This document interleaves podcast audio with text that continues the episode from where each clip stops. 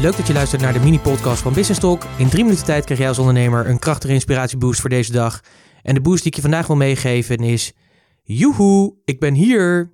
Als ondernemer ben je natuurlijk heel hard bezig. Je bent natuurlijk lekker aan het werk. Je bent bezig met je klanten. Je bent bezig om je bedrijf te vergroten en te groeien. En daar betekent ook dat je natuurlijk op zoek bent elke keer naar nieuwe klanten.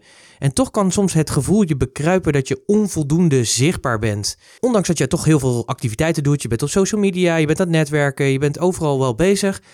Maar je merkt ook wel als je kijk dat er heel veel ruis op de lijn is. Ik weet niet hoe het voor jou is, maar ik ervaar dat namelijk zelf ook. Als ik soms kijk zeg maar, op mijn social media profiel, dan zie ik heel veel onzin voorbij komen of heel veel concurrenten voorbij komen die allemaal hun best doen om te gaan voor die ene klant, voor die klant die ook bij jou zou kunnen zijn.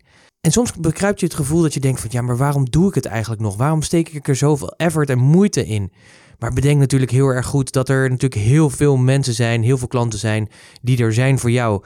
Alleen het gaat erom dat je vandaag de dag met alle middelen en technieken die er zijn, creatiever bezig moet zijn. Je moet zorgen dat je er echt boven het maaiveld uitsteekt en dat je veel gerichter bent naar de klant die jij zoekt. Dus dat betekent al dat je dus heel erg goed moet weten wie is mijn ideale klant? Wat houdt hem of haar bezig? Waar loopt hij tegenaan? Wat zijn de dingen waar hij s'nachts wakker van ligt? Het gaat dus niet meer over hele feitelijke dingen, maar het gaat ook over ja, psychologische en sociologische aspecten van die ondernemer of die klant die jij wilt helpen.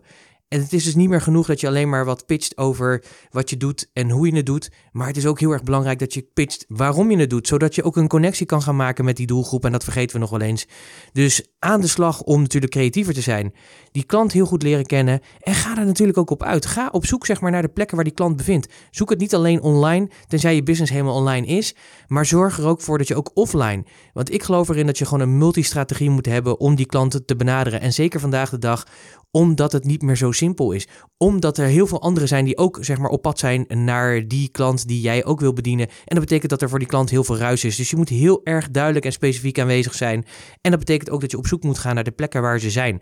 Ga daar naartoe, ga ze ontmoeten. Het is een andere strategie misschien, maar het gaat je helpen. Het gaat je helpen om meer zichtbaar te zijn. En natuurlijk, zorg ervoor dat de activiteiten die je nu doet, dat je die keer een factor 10 doet. Want niemand doet het een keer een factor 10.